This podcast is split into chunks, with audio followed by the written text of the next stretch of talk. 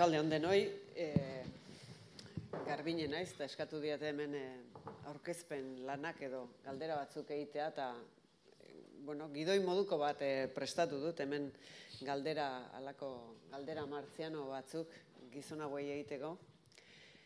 E, lehenbizi esango dut, e, bueno, lau tipo arruntu besterik ez direla, eta eraberian hain tipo bereziak ez da, eta zeatik ba, gauza izan dielako, eh, ainertz diferentetatik eh, abiatuik, eh, ba, ez dakit, elkarrekin batu, hausnartu, eh, eta, eta bakoitza bere ertzetik alako obra zoragarri bat sortzeko, ez da? Eta horre bakarrik esango nuke e, berezi egiten ditula.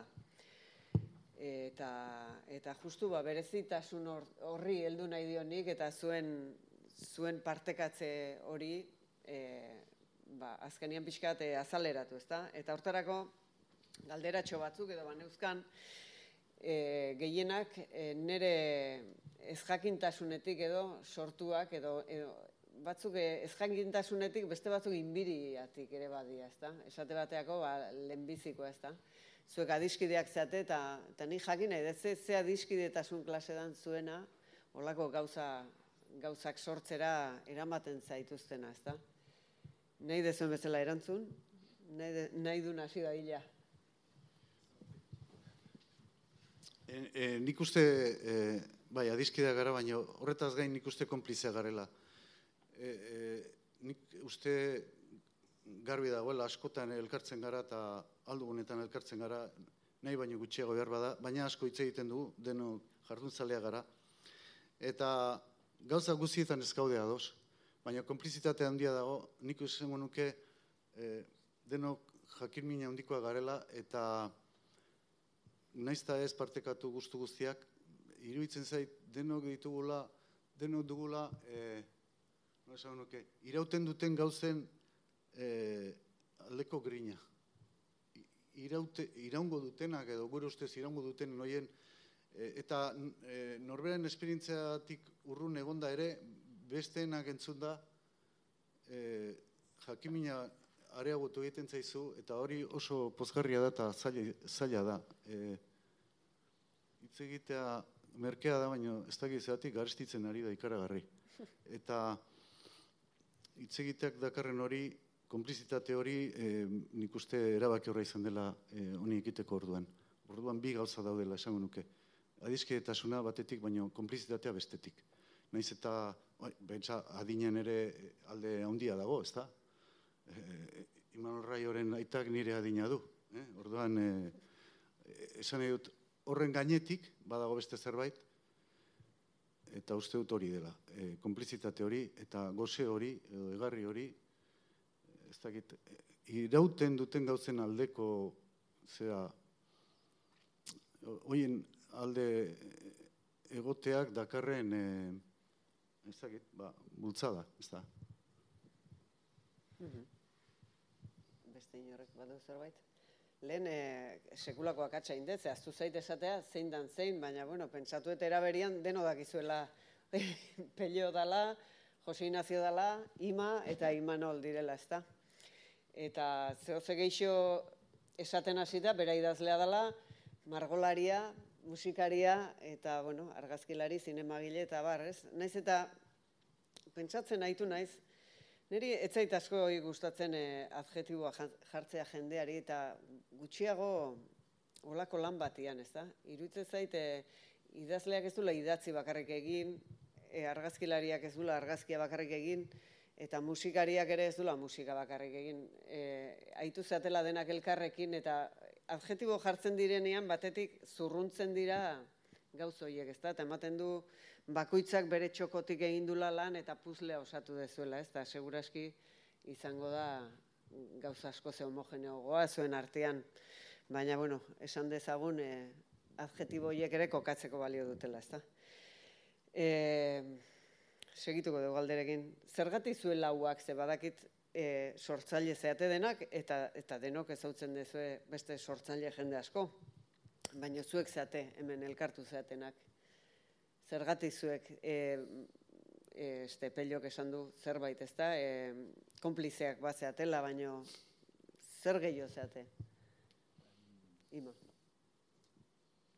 Bueno, ba, nik uste dut konplizak eta nik uste dut adizkitasunera ba, dela elementu garrantzitsu bat.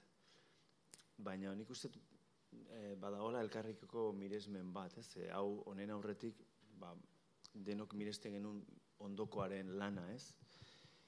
Eta horrelakoetan zaila da, ez miresten duzun persona horrekin e, gauza bat egitera zoazenean, beldur hori badezu, ez, ja, jode, aberkali ingo diozun lagun bat, izazkenean, zu, gero laguntasun hori mantendu nahi dezu sastrakata gero ere, bai, ez. eta, eta zorionez, horrengoz mantentzen dugu, ez. Baina, bueno, uste tortak igual, eh, igual Jose Nazio klabe batzuk eman ditzake, ez, behik abiatu zuten egitasmoa, no? Eta, orduan, estamos comentando, Jose Ignacio, que la pregunta es un poco por qué estamos los cuatro en este proyecto, ¿no? Y, y, yo creo que hay quizás que sois vosotros los que iniciasteis este proyecto, este proyecto o este trabajo, digamos, quizás tengáis más claves para dar, ¿no? Porque vosotros fuisteis los que nos invitasteis a participar, ¿no?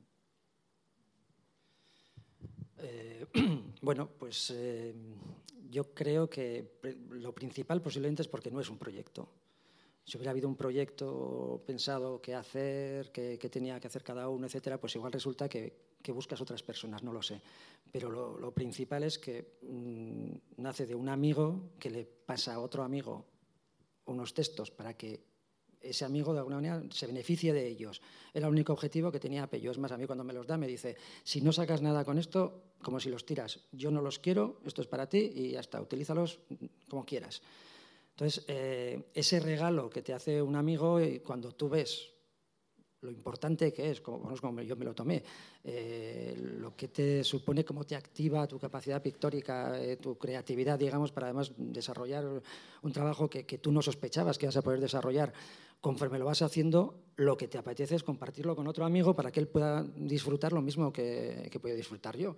Entonces, Además, eh, veníamos de una experiencia que habíamos tenido mm, Pello con Ima y yo mismo, de un single que sacó Ima, pues yo creo que dos años antes más o menos, ¿no? que lo de Sastraca.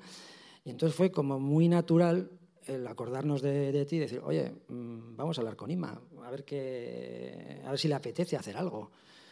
Y luego, pues la misma naturalidad con la que un día que estamos, venimos del monte, nos vamos a tomar algo, pasamos por el estudio con, con Imanol Rayo y al ver los cuadros se da cuenta que ahí pasa algo que no es lo habitual y me dice, oye, ¿qué estás haciendo aquí? ¿Esta pintura? ¿Por qué?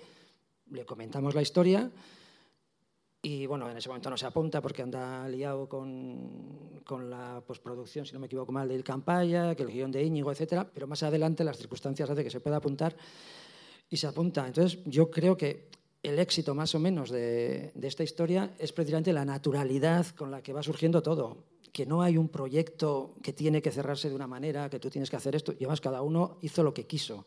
En ningún momento nos planteamos el decir, bueno, como esto luego habrá una exposición, tú, Ima, tienes que hacer algo para dar un concierto. No.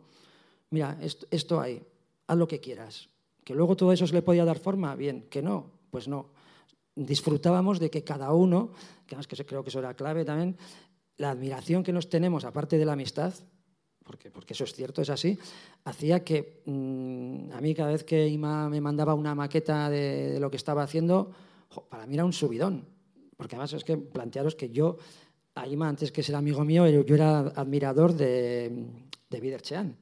Entonces yo decía, joder, es que esta es la situación ideal. Un grupo al que tú has sido admirador, que te mande las maquetas a ver qué te parecen. vamos, para mí era un regalo. Entonces todo era así, un poco, un regalo que, que nos íbamos haciendo los unos a los otros. Y por eso creo que, que has salido con esta mm, naturalidad y además que después de dos años ya metidos en este ajo seguimos siendo amigos. Así que bueno, pues creo que no ha ido mal. Pero bueno, eh, hablabas de disfrutar, baino hau, disfrutatzea baina, baino gehiago izan da beti, ¿ez? Porque siempre eh, esperabais algo más del otro.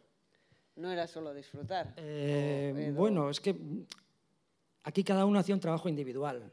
O sea, yo, yo cuando estaba en el estudio, sí que es cierto que cuando los textos de Pillo ya estaban ahí y te habían marcado un, un, listón, yo creo que muy alto. O sea, tenías que estar a la altura de esos textos. Entonces, eso ya hacía que tú pintaras con, bueno, pues con una responsabilidad.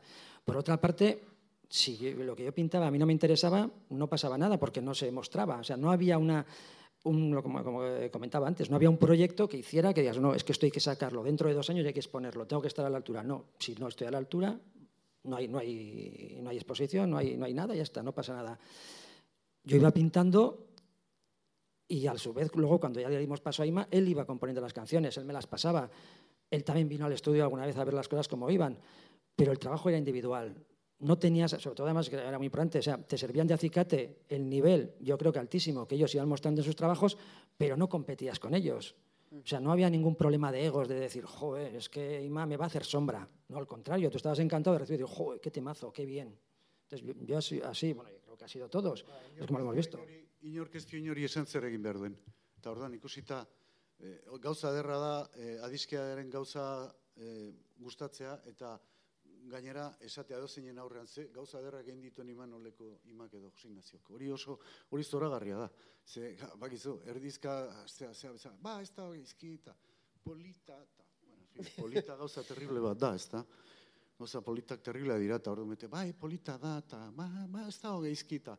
Hola e, e, e, zera ibili beharrean esatea aizu ze jo, ze gustoa gabiltzan eta zederra den hori ba horrek poza ematen dizu hori gasolina handia da aurrera aiteko eta holatxe izan da dena ez da oso nik kontuatu nahi zuen zederra den asmo handirik ez izatea hasieratik eta asmoa oso txikia zen eta alaxe esan nik Jose Ignaziori hau gustatzen bazei bota Olaxe esan nion bota zetik. Gaina nik uste nuen nire testuek ateratzen zutela bere oiko lekutik ateratzen zutela.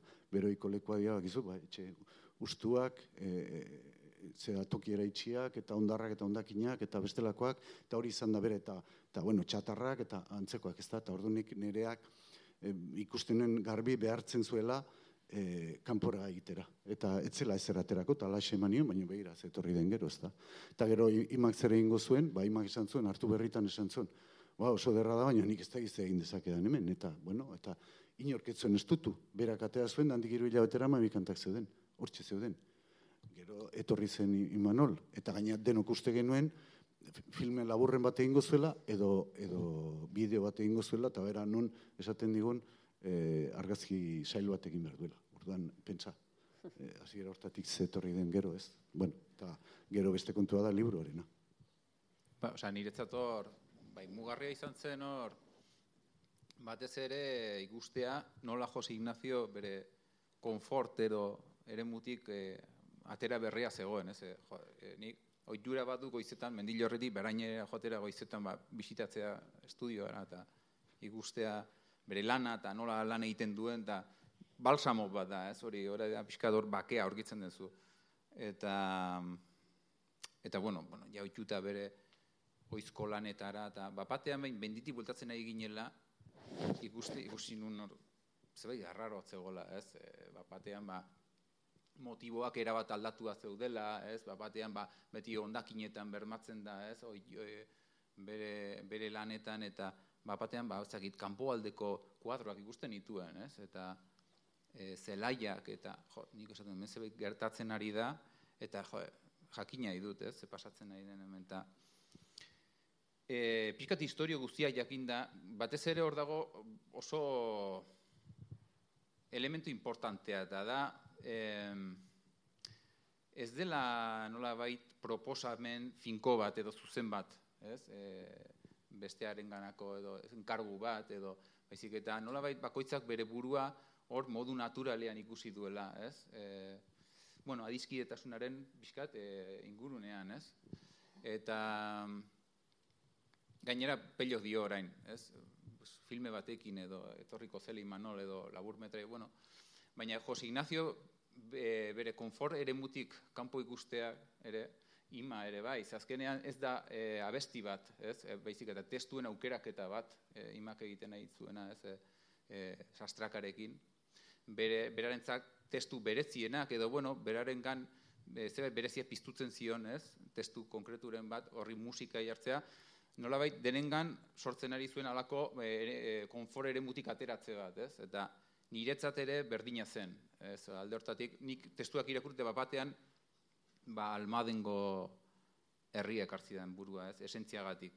Ez, eta, e, bueno, azkenean, ba, nostalgiaren edo, e, e, bueno, narrazio hori, ez, diskurtso hori, nola bait, e,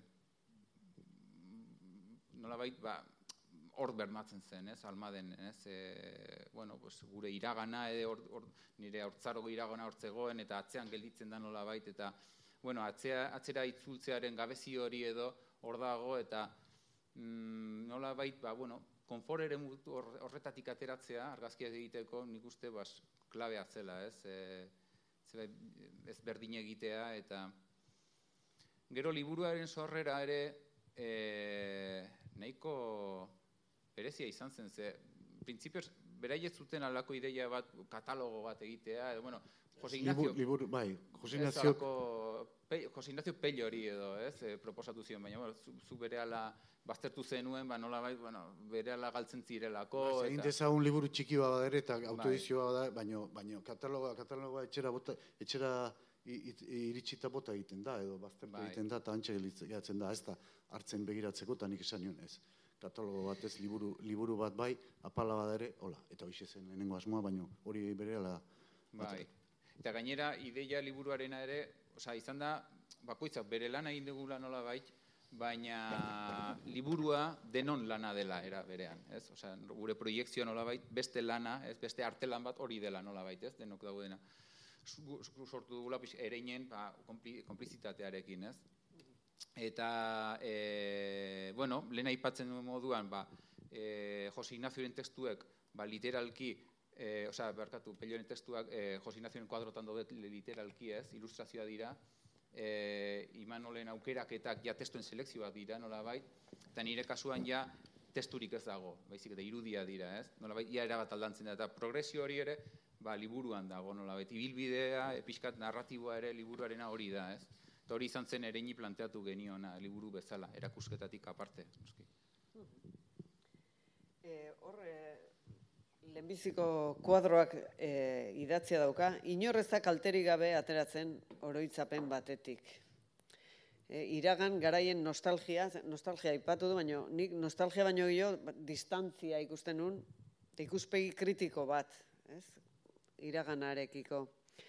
E, oiek irutzen zaizkitzue, direla betaurreko egokiak atzera begiratzeko et nun gelditzen da nostalgia edo Nik uste, bueno, ibilbide antinostalgikoa dela eta ta antinostalgikoa, atzerak egiten den bidaie bat antinostalgikoa ezpada zureak egin du. Nik uste e, nostalgia hilgarria dela eta dena paralizatzen duela eta akabatua zaudela e, bide hori hartu ezkero. Orduan, e, hori nik uste oinarria dela, e, ibilbide horretan eh, bueno, ez da git, eh, uste dut, igual gehitxo esan du, baina eh, horrek ez, ez dizu utziko eh, zaila ingo izu bizitza, hortaz, eh, onik hortaz du zalantzarik ere.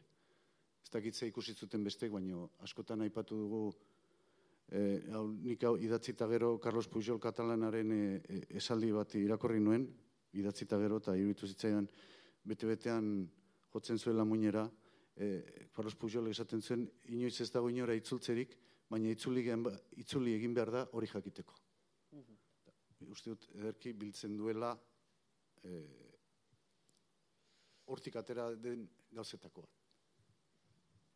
Bueno, gai, nik hor gainera gehitu behar dut, ze mm, sastrakaren berri dudanean, lehendabiziko aldian, nik justo hilkanpaiaken postprodukzioan egoen sartuta da, bueno, hilkanpaiaken postprodukzioa izan zen nahiko kaotikoa, ze, bueno, pandemiare bitarteko, eta, bueno, gainera pelikulaen egitura oso oso berezia, komplikatua, eta e, flashbackak aurrera eta atzera, eta ni beti, beti naiz oso zalea, ba, alik eta soilen edo e, kontatzearen alde nago, ez? Eta, eta bueno, ba, atzera ezin itzuldi horrekin, ez?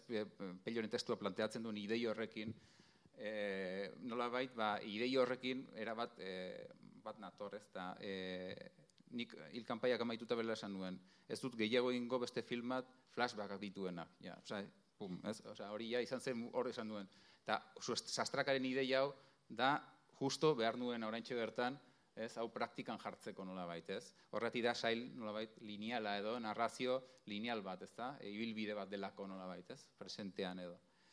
Baina horrek e, nolabait, esperientzia horretatik ateratzeak nolabait, eta momentu hortan erortzeak, ez? Beste, abane, ba, oso, bueno, momentu berezia izan zen, ez?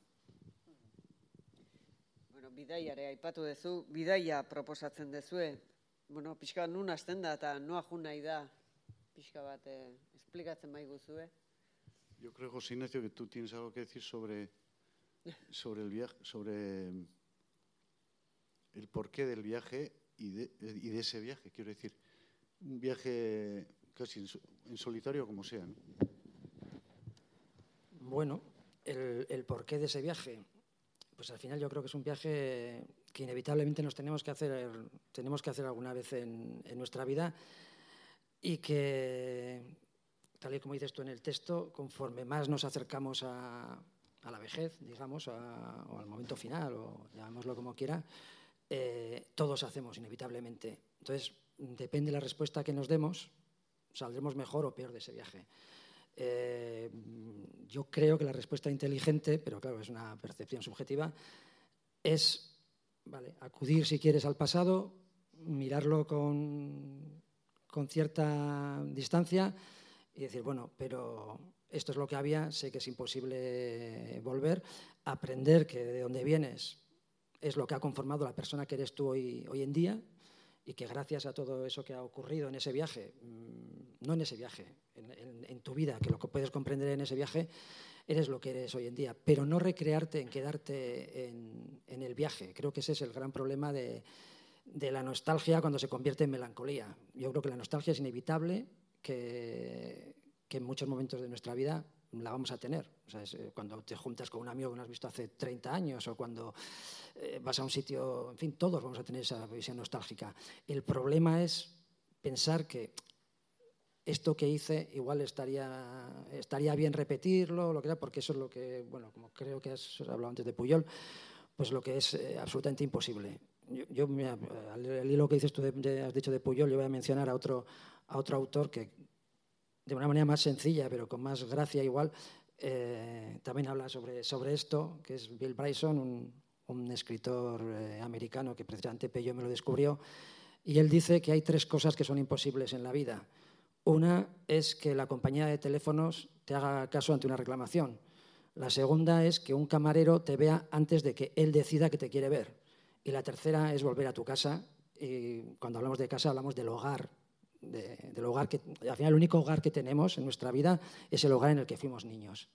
Todo lo demás serán casas que tú posteriormente vas, vas adquiriendo, etcétera, pero el hogar es tu, tu, casa donde te sentías seguro, protegido, etcétera, ¿no? Bueno, a ver, habrá circunstancias en las que, en fin, pero bueno, y yo creo que ese, ese es el viaje inevitable que todos en un momento dado hacemos.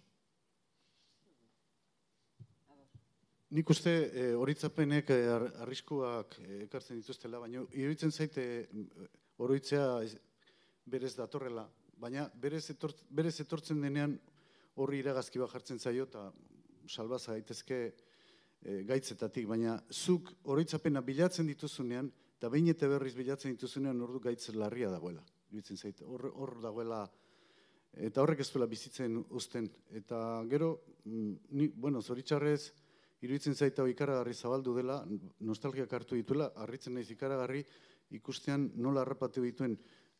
Ira, apenas iraganik duen e, gazteak e, harrapatu dituela eta orduan ari dela berritu nahian ezagutu ez dutena, hori terriblea iruditzen zait. Erromantizismoak e, gaitz asko ekarri ditu eta horietako bat hori iruditzen zait, hemen ikusten ditu noiz nahi, e, e, garai bateko bueno, ala ezautu ditu, oiturak eta berritzen eta e, urtero errepikatzen eta hor, hori iruditzen zait, e, hor seinale txarra eta gizarte honek baduela gaitz bat konpundu beharrekoa. Horietako bat da romantizismoa eta e, batez ere bizi behar delako eta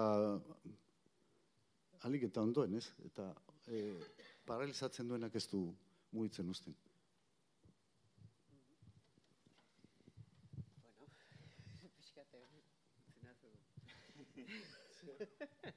Ze romantizismoaren zure esplikazio horrekin utzi nazu pixkate, pentsatzen nahi nintzen, barkau. Zu gaina alaba, seme alabako baituzu eta nik ez. Eta orduan seguro, bueno, ez dakite, agian gogoan izango dituzu, gazteena aipatu danean eta bara, nahi iruditzen zaite, em, ni, ni arritu egiten naiz, ikusik ze, ze gauza egiten dituzten, e, bueno, ja, ja, baserritarrez jantzita ikusten ditudanen ere, en fin, gauza terrible eruditzen zait, ez? En fin, ez da, eta bueno, ja, jatetxera zaizkizunean, baserritarrez jantzita, menua ira, irakurtzera, eta, bueno, en fin, gauza ikarragarri hauek, ez? Eta gero, neure eh, jaioterrian egon zen dela gutxi, eta ikusi dut, eh, berritu egin direla jantzi horiek, eta oso gaztek eta ezain gaztek eta hartzen dituztela, eta e, karrozak, eta, bueno, en fin, gauza, iritzen zaite nostalgia oso pozointsua dela, hori, eta mm, mm, gaina, e, nik uste nuen urteak joan ala boi gutxitu egingo zela, baina ikusten dute handitu egin dela ikaragarri. Eta, eta honek ez du zer ikusirik oso, e, en fin, zeharka zerarekin, e, tradizioarekin nahi baduzu, edo ondarearekin, beste kontu bat da. Hor badago alako ze ongi bizi ginen, gaizki bizi ginenean, ez? Eta, ez da, gauza e, oso paradogikoak eta e, arraro xamarrak.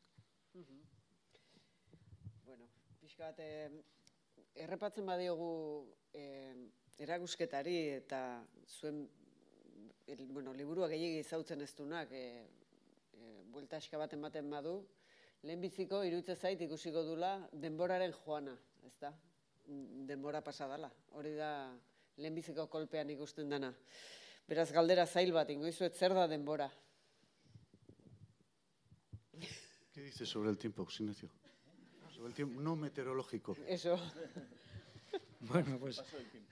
Vale, pues eh, al final el tiempo, no sé, es una, una herramienta que nos hemos dado a nosotros mismos, yo creo que es abstracta, y nos la hemos dado para organizarnos mejor, yo creo. Entonces, eh, como tal herramienta no deja de ser, y al ser abstracta, algo subjetivo.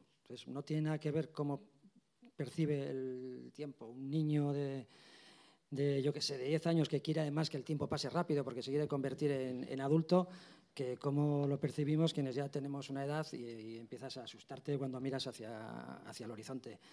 Entonces, mm, a mí me parece que el tiempo, tal y como lo concebimos hoy en día, y sobre todo incluso más en esta sociedad actual, no deja de ser una espada de Damocles que tenemos, sobre todo, insisto, los de cierta edad, con la que siempre tenemos que tener una relación sabiendo que en cualquier momento tú estás haciendo planes para el futuro y igual no hay futuro. Entonces, eso de alguna manera te condiciona, aunque debes hacerlos. Pero yo creo que el, tiempo es, como digo, una espada de Damocles que en cualquier momento nos puede... Existe el pasado porque ha estado, o sea, no existe, ha existido y existe el presente. El futuro podemos pensar que existe, pero no existe.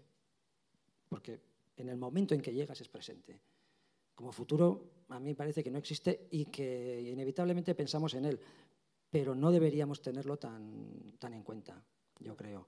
Y en este viaje el futuro eh, simplemente es eh, la última, la última imagen, digamos, ¿no?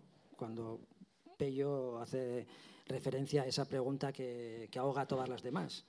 Entonces, mm, yo creo que a pe- a pesar de que en ese momento puede ser una puerta a la esperanza y puede hablar del futuro, yo creo que no hay más que un presente bastante inmediato, el que, el que debes plantearte. No sé si con eso respondo a lo que... Ten en cuenta aquello que decía el griego aquel, ¿no? Que ten- tú tienes todo el futuro por detrás. Porque siempre se dice que tienes todo el futuro por delante. Pero él utilizaba la imagen del, del, bar- del barquero que cuando rema eh, lo único que ve es lo que acaba de, de dejar y entonces tenemos todo el, todo el pasado por delante, todo, o sea, todo el futuro por detrás. Eso es una carga. Usted eh, testu honetan ez dela ala, baina, bueno, antzeko zerbaiten antzemon liteke. E, nik uste, e, denbora, ni ez naiz hasiko denbora definitzen, mm, barregarri geratuko bain nitzateke, baina iruditzen zait ibilia edo bidaia e, idazteko orduan oso egokia egin zait e, e, de, denboraren aldiuneak eta adierazteko. Ze uste dut beti ibiliak jartzen zaituela orainean, Baina nik ez dakit zergatik ibilian beti i, i, egiten dira proiekzioak. Egunen batean joango nitzateke ingo nuke best, behar bada beste, eta orduan, e, geroaz egiten dira zenbait proiektzio, baina e, e, niri, niri ustez beti egiten dira e, Noiz eta leku ez ezaguna izan, beti egiten dira leku ezagunean, beste nonbait edo, noizte noizbait egindako ibilien e, errepasoa aldi berean. Uste dut, aldi, hiru aldi une horiek batera etortzen direla. Bidaia edo ibilia e, ekartzen duzunean. Eta horregatik iruditzen zait egokia demoraren percepzio hori e, adierazteko. E, ba, badira beste modu asko, asko eta asko, ez? Baina niri egok, oso egokia egiten zait. Bueno, Nick, or, o sea, bueno, eh, como dices tú, José Ignacio, la subjetividad del tiempo, yo creo es clave. O sea, nik uste gainera sastrakan izan da oso klabea. Zatik, eh, bueno, eh, bakoitza, o sea, adin ezberdineko pertsona gaude hemen, ez, gusten denez, amar urte ematen gara gutxi gora bera, elkar, fiskat, generazio ezberdine, belaunaldi ezberdinetatik, eta denboraren pertsepzioa aldatu egiten da, eh? Nik, osea, mm, gauza asko ditugu eman komunean, eta baina nola bait hitz egiten duzunean ohartzen zara nola pertsepzioak ezberdina diren eta begiradak ere ez diren berdinak, ez? Osea, eh, orduan zentzu hortan ere sastraka ere nolabait lau denbora tan dijoa nolabait ere. Osea, nik hori argi ikusi dut, ez? Bakoitzaren tempoak eta mm, nik uste ere denbora hori badela ere, ez? Osea, subjetivismo hori nola bait, hori ikusten dela, ez? Estaba hablando un poco de que la percepción un poco individual de cada uno también, en función de la generación también, es distinta, ¿no? Un poco lo que es el, el, el tiempo y, y, sobre todo el ritmo del tiempo, ¿no? Y la, la perspectiva de, y cómo eso está reflejado ahí, ¿no? Yo creo que en Sastraca también, ¿no? Como uno aborda un poco cómo enfoca, ¿no?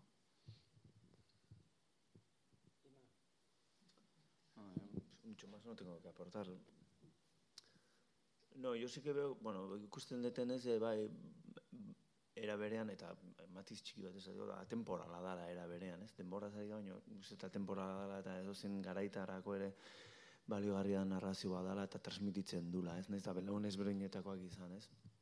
Eta hori dute ere pelioren novelak. Bueno, azkenekoan gutxu gora ezazten du garai bat, baina bestela, ez da zehazten tokia hemen ere ez, denbora ere ez da oso argia adirazten, eta horregatik funtzionatzen du temporaltasun horrek ez. Ze hor hausnarketa horiek eta refleksio horiek eta adirazi nahi den hori e, gutxi asko gara izberinetarako funtzionatu dezake ez, transmitutu nahi den ideia hori ez. Era berean, zuen liburu honek denbora eskatzen du. Ez da edo zein liburu, eskatzen du eseritzea, magalean jartzea eta gauza hondik gehiago ezin dezuin, hartu eta patxadaz pasa, ez da? Hori eta indar pixka bat. Eta indar pixka bat. du pixka bat. Nahi eta egin dezue, edo? Denbora patxadara ekarri jendia, edo? Bi kilo. Bi kilo. Bi kilo eta piko, bola, jaio hori. Saumetxo bat, ez? Bueno, ba, ba, dentistaren konsultan eta ederki, ederki egin luke, baino hartu ezkeo, ba, bere ala irakurri behar dela ikusita, ba, utzi ingo lukete ez da, konsultan zain daudenek. Nik uste ez dela ba, eskatzen du patxada eta gugu pixkat, baino gero jo, ez ikusita ze gauza derra dauden horrez, ze gara batean etzen e, utzi egiten ziren e, testuak eta e, testuri gabe ere oso derra Eta orduan, ba. ba, ba, ez da, egia da, zeinek, e, Euskaraz ez gaztelani ez dakien batek ere hartuta atentzia emango lioke ez da. Kantak entzunda, argazkia ikusita, kuadro ikusita. Berez du, ez da oiko liburu bat eta suerte da handia izan dugu. Mhm. Eta atzeko aukera eman zigutelako.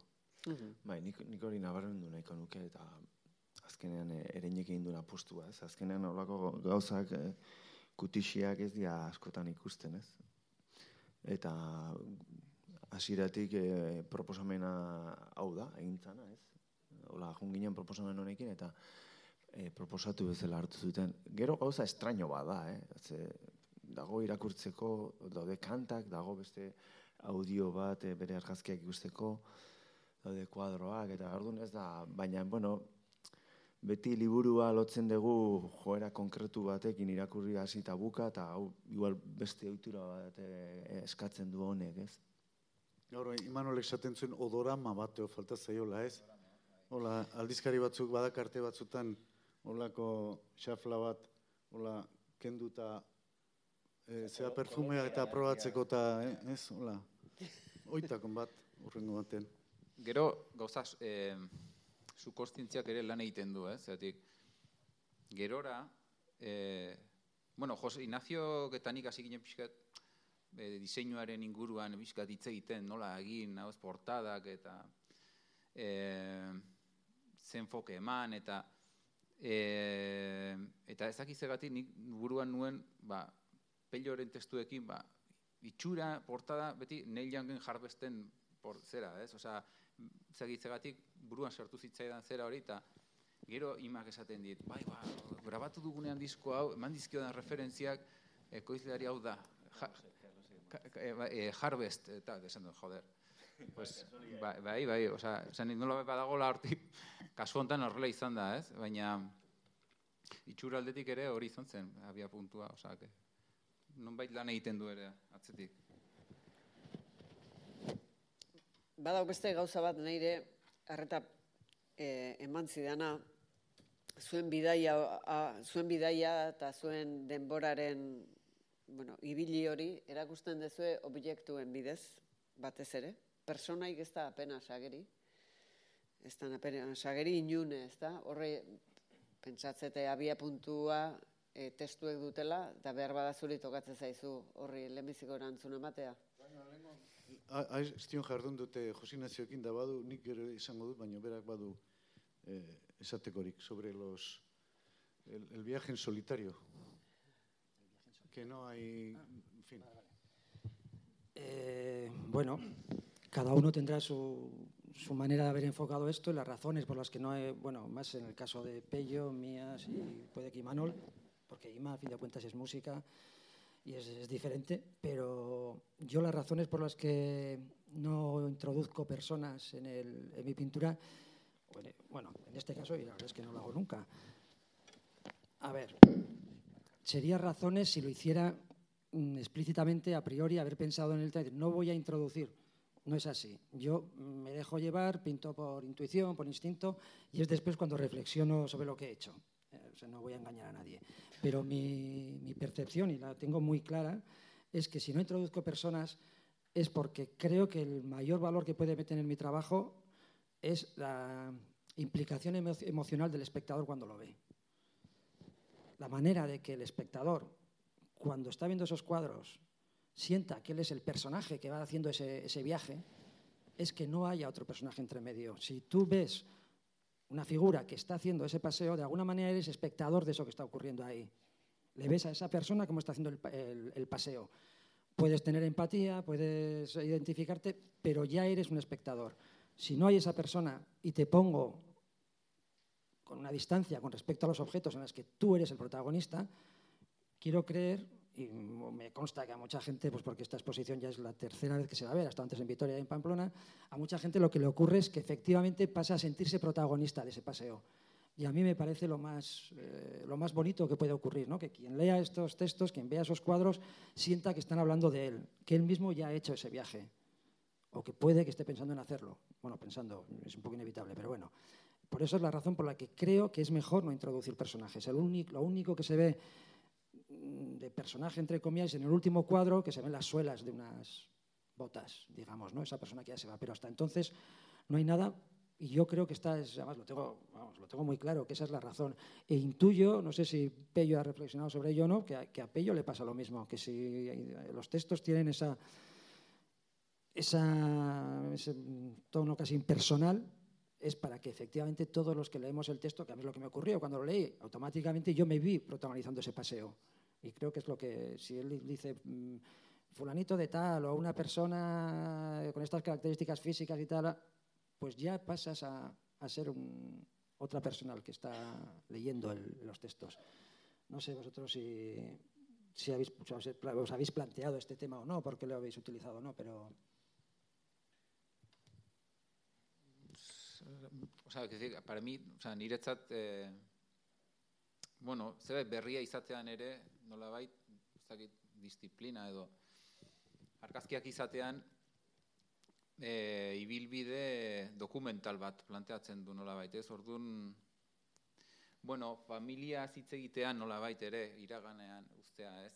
Piskat oroimenak eta e, bai bazegola e, hor elementu bat importantea, ba, belaunaldien kontua, ez? Bai badagola momentu bat ba, etxea, ez? E, gure, zera, e, familia etxean egertzen denak, e, bai, e, aita, nire aita gertzen da, eta gero nire semeak ere bai. Badago lako alako nola bait, bueno, hor kate bat edo ez, atzean geratzen dena, e, baina nola bai giza, gizartearen edo presentzia hori gero desagertu egiten da, ba, ibilbidea horrela dijoan neinean, ez, e, argazkietan, orduan, e, nola bai, ba, bueno, pelioren testuan etxera doan bideo horretan, ez, planteatzen den ibilbide horretan, ba, kasu honetan, ba, nolabait, iraganerako bide bat da ere bai, ez? Ez, e, konkretuki, ba, bueno, almaden izan zen oso leku oparoa industrialdetik, eta orain bertan badago erabat, ba, bueno, miserian edo galduta, ez? Eta nolabait itzal hori oso presente dago, latifundismoa den itzal hori oso presente dago, eta em, nolabait iraganeko ba, leku horietara joatea, bidibilbide horietara joatea, ba, bueno, planteatzen zuen, ba, adibidez, trenbide horrekin, ba, garai batean progresoa edo, ez, e, e, progresoaren simbolo zena, ba, orain, ba, ba, e, bueno, iraganan simboloa da, ja, ez, ja, ez delako erabiltzen, orduan, Bueno, e, pertsonen presentzia ere berdin da, ez nolabait, ba hor atzean geratzen dira, ezta? E, memorian bezala. Nik uste dut, nik uste dut hirietan e, jendartean gabiltzanean e, zaila dela zure baita iristea. Denok el, elkarren beharra dugu eta hori e, horretan ez du zalantzari. Baina, nik ez da zergati baino erakarri zen haute beti eh, aldiriak eta periferiak eta leku bazterrak. Izane leku bazterroietan in, bak, ba, bakarka ere paseoan hasi ezkeo eta inor ikuste baduzu ere beti ikusten da handi pasatakoen e, urratsa haiek utzitako marka guztiak. Nik uste bazter utzitako zerbait, e, zerbaitek erakusten duela norri bili den. E, bide bat aspaldi urratu bada, badakizuan norri bili den. Zuk ikusten baituzu hemen hiru aulki eta gainera e, zirkulo erdia egin ezo auskalo nola, zuk ikusten duzu nola egon diren aurreti, aurre, e, eserita egon direnak, naiz eta orain utzik egon. E, bazter utzitako, zabortegietan utzitakoak, e, utzik dauden pabiloiak, e, baratzea izan zena eta orain sastrakak hartua duena, e, oru bezarrak, oiek guztiek nik uste jendez beteta daudela. Eta ez zu e, irudimenari esker ez dakize asmatzen duzulako. Oiek, objektu oiek, leku oiek, badute ahots bat, eta gainera laguntzen dizute, zu galde, galde, iruditzen zait, askota mintzat, pa, pasioiek egiteko itura baldin bauzu, laguntzen dizute, e, gauza esentzial batzuetara e, iristen. Eta hor, gainera askotan aurre egin behar diozu malenkonia horri, ze badakizu hor, e, asteburuetan adioz ez dagoela inor, gero astelenetan behar bada poligono batea itzuliko dira langileak, baina asteburuan dagoen horrek erakusten dizu e, horren e, ezurrak erakusten dizkizu. Ta, e, beti aragiz bete eta ikusten ditu hoiek baina ezurrak ere oso importantea dira. Eta aspaldi utzia dauden hoietan, ikusten duzu nor ibili zen, nork ukitu zuen, hau, nork zapaldu zuen bestean, nork baztertu zuen ura, eta e, horrek niri bintzat ahots asko ekartzen dizkit eta e, eta berriz diot galdera batzuk beti jendartean zaudela zure buruari egingo ez dizkiozunak orduan etorreko zaizkizu. Izan ere, etxeak ere etxeak ere askotan pozoin pixkat badu, ezta? Goxo zaude eta eta hala behar da, eta atsedenare behar dugu, eta sosegua, baina e, etzara iristen, ez dakit ze pereza mota edo eragiten duen, baina etzara iristen batzutan e, egitera behar den, zu, noizbait zure buruari egin behar dizkiozun galderak, eta agian erantzunik ez du aurkituko, baina egin, egin behar dituzun horiek egitera etzara iritsiko, ez bada olako leku jakinetan. Ez dakit, iru, ez dakit, en fin. Bueno, memoria, memoria epatu dezue eta bidaiak eta olako gauzak eta nik hemen, bueno, e, faltan bota dut usaina, ez? E, hotxak entzun ditugu, koloreak ere ikusten ditugu eta usainaz, zeo zer eh, eskatuko dizuet, ze, ze usai dute zuen lan hoiek. Usaina, José Ignacio, los olores que... Dígame algo. A ver, yo puedo hablaros de mis olores, efectivamente. A mí, bueno, yo creo que todo el mundo sabrá que el olfato es el, el sentido que, que más conexión tiene con la, con la memoria. Supongo que por experiencia propia lo tendréis todos. Ya podríamos entrar en temas eh, anatómicos y explicarlo y tal, pero bueno, no, no viene al caso. Yo en mi caso tengo claro que los olores no me remiten nunca a, a recuerdos concretos. Yo no, no huelo a no sé qué y me, y me acuerdo el día que mi madre me llevaba de la mano, no. Pero sin embargo, sí que puedo afirmar que determinados olores me transmiten con una potencia, en fin, además es, es que es muy breve. No sé si a vosotros os pasa o no, pero yo, por ejemplo, el olor del, alibustre es un- una flor que, que es muy común, por lo menos en Pamplona, supongo que aquí también lo será, no sé. Eh, a mí me lleva, eh, además mi mujer se ríe porque yo voy por, por la ciudad en el verano, de repente, y me, me paro, me paro y digo, uy, durante tres segundos me lleva a mi infancia, los veranos en Pamplona, y me lleva y me transmite, o sea, me transporta completamente, pero son tres segundos, se me escapa, no me recuerda nada en concreto. Por ejemplo, hay otro olor eh, que para mí también es, y no tiene por qué ser olores agradables, ¿eh? el olor a, a farea, al puro, pues a mí me lleva, pero de una manera, no, fumo y no me resulta agradable el olor, pero sin embargo, en ese momento sí que me resulta, porque me lleva al campo de fútbol del Sadar, cuando de pequeño ibas, no tenías un duro, ibas, si alguien te colaba, entrabas, y si no, te volvías a tu casa, y por lo que sea que yo lo recuerdo con una emoción, de, de- sobre todo el día que- te colaban, el día que no era peor. Pero a mí, claro, en el Sadar todo el mundo estaba con el puro. Entonces, a mí el olor a puro farea, en concreto, me lleva ahí. Y otro olor también que para mí es muy, en fin, es la, el olor a cuadra. No sé exactamente si es a fiemo eh, la, de vaca, tiene que ser específico. Si es la humedad, la paja, no lo sé, pero a mí ese olor a cuadra es igual el que más me emociona porque me lleva a casa de, de mis abuelos, de mis tíos en el pueblo, que como no teníamos coche, iba muy de ciento a viento y para mí era lo mejor que me podía pasar cuando era pequeño, me llevaran al pueblo. Entonces yo cada vez que paso por algún pueblo ya es más difícil encontrar ese olor porque las cuadras no están en. Pero bueno, a mí me, emociona terriblemente y siempre son olores que me, que me llevan, yo, yo a mí me ha ocurrido de ir por ahí y decir, aquí huele a, la mili. Y me huele a la mili, no tengo ni idea ni a qué, o no, no soy capaz de concretizar, el, o de concretar, perdón, el recuerdo, pero sí hay una fuerza brutal en un olor que de repente me lleva a algún sitio. Yo, por lo mi experiencia es así, no sé vosotros cómo, cómo lo, veis. Ima, musika, eh, musikak ekarritzake zera usainak eta iraganek, ez, esan dut, eh, eh,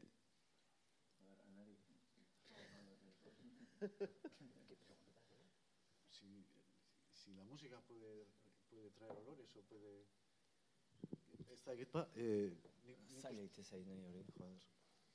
Baina usainek musika ekartzen dute. bai, ba, Alderantziz ez dakit. Bai, ez baina batzuetan ikuste musikan zaila bada ere e, zenbait arreglukin eta gauza, gauza batzuk landu ezkero mm, etortzen direla, ez da, usain bat, baina Bai, usainera iristeko bide evokazioak, bat bai. evokazioak, bai, bai, bai, bai, bai, leno, bueno, Eta nik uste hori landu iritekela, ez, ez dakite...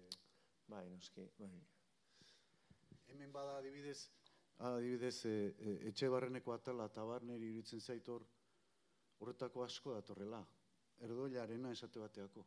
Neri, Bai, arrelu da erdoilarena, bai, eta erdoilak badu usaino, bazuen, ez bain, erdoilak bazuen. bai, E, eta kedarrak ere bazuen, eta, en fin, hori, eta hor dagoen, e, adibidez, konzentrazioa hor gitarrekin da hor oso hori da, ez?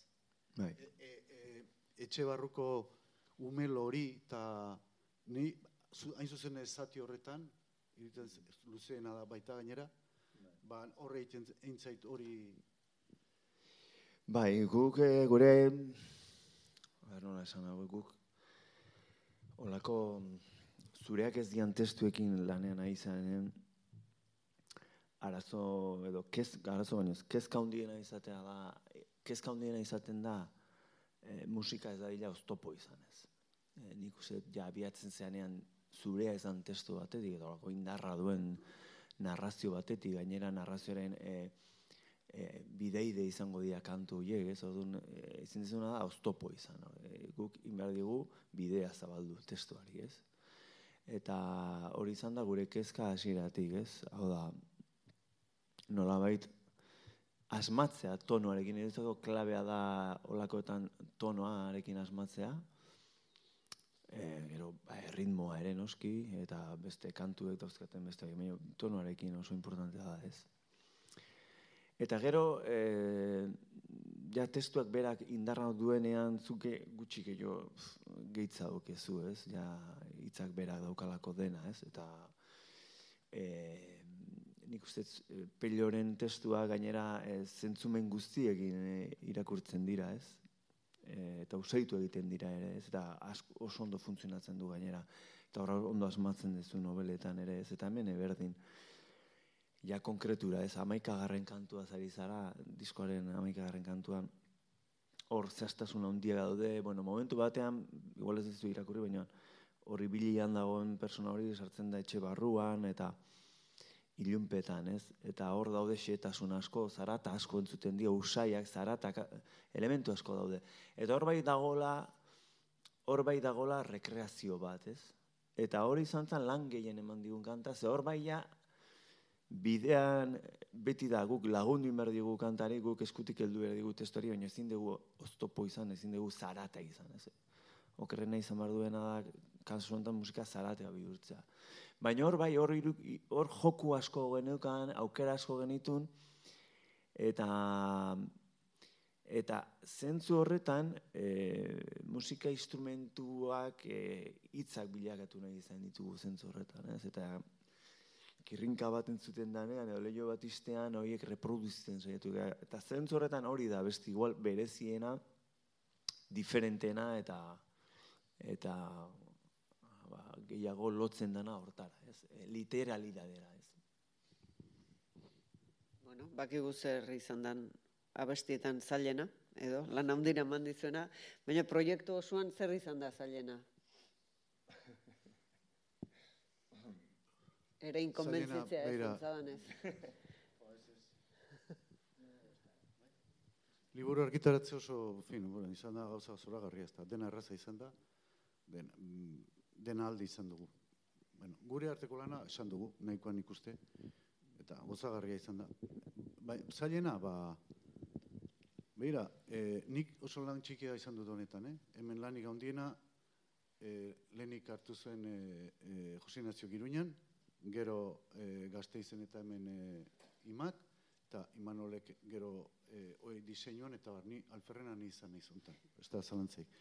Baina gero, ba, nik, e, etenga izan gara, e, izan dugu elkarren berri eta nola zijoazen gauzak, eta zailena izan da, hain zuzen ere, e, olako tokitara iristea, ez da erraza. Ez da erraza. E, em, em, ez da egite, e, nik ust, uste dute, askoren ustez hau ez dela oso gauza modernoa. Ez da oso, ez da performantzerik, ez da inor biluztuko, ez du inor neoi bat jarriko, eta e, Eta orduan, ba, iruditzen zait, ba, batzuentzat ez garela oso erakargarriago ez dela oso erakargarria beste batzuentzat bai, eta erabat alde izan ditugu, baina zailena izaten da, hori, egin behar den lan hori guztia leku hauetara ekartzeko, azkenean erakuske bat eta bat zabaltzeko, eta e, lana emateko zati, liburuaren oso erraza izan da. Baina bestela, asmoa da, ba, kuadroak eta errazkiak eta kantak eta denak ematea, em, eh, em, izan dugu, kontzertuetako aukera izan da, eta aurten ere, bueno, urriaren hogeita batean ere izango dira hemen Imata e, eta Jon Eskizabel, eta izango da musika entzuteko aukera, eta aurrekoetan ere izan da, eta kontzertuak izan dira, eta aurkezpen egunean gainera. Eta, bueno, ederki atera dira, baina kosta intzaie ikaragarri, gizak jauei asko kostatzaie iriste aleko eta batzutan irinan errazagoa izan zen, gain- gainerakoetan zailagoa izan da. Nire ustez zailena hori izan da, ezta? Bestela, beste- Ados, eh, azken galderatxo bat daukanik. Eh, gaztelania zingo dut, ze gaztelania dauka zentzua, ezta? Sastraka eta maleza, nik noiz baitu uste aipatu izuetela oso diferente ikusten ditu dala, ez? Sastraka modu bat ikusi nun eta maleza beste bat, ez? Orduan, Aldera, Josina, dut. según el diccionario, la maleza es la espesura de plantas que dañan las tierras de cultivo. Vale. ¿Cómo se lleva el peso de las palabras? ¿Es algo que ha evolucionado en este viaje? Hombre, yo tengo claro que mm, esa definición que puede tener una carga negativa, para mí ha cambiado completamente. Para mí la sastraca mm, no, me trae más que connotaciones positivas. De alguna manera ese, ese, significado que, que tú le das, que recoge la Real Academia o lo que sea, mm, para mí sastraca en estos momentos representa una historia, a ver, un poco cursi, de amistad, de, de un trabajo hecho con muchísimas ganas y ya me he olvidado de su significado. Pero bueno, de alguna manera, si, si nos profundizamos un poco en él, mm, sí que es cierto que yo sí con la maleza tampoco me llevo tan mal. Porque cuando yo era, cuando yo era crío, como se decía, el oeste de la libustre y tal, yo vivía en las afueras de Pamplona. Bueno, en Pamplona al final, en los años 60, todo era afueras. Era lo que era. Entonces, mm, estabas siempre jugando entre la maleza y te hacías una cabaña y de alguna manera la maleza era cómplice de tus juegos. Entonces, no me provoca a mí una... La palabra maleza nunca me ha producido una, me ha traído una connotación negativa. Y en el caso de esa estraca, que yo lógicamente no la manejo porque no hablo euskera, eh, para mí esa estraca lo que quiere decir es otra cosa. Es, quiere decir este proyecto y no me trae a la cabeza más que cosas positivas. Vale. Gontzalo, zeuntza.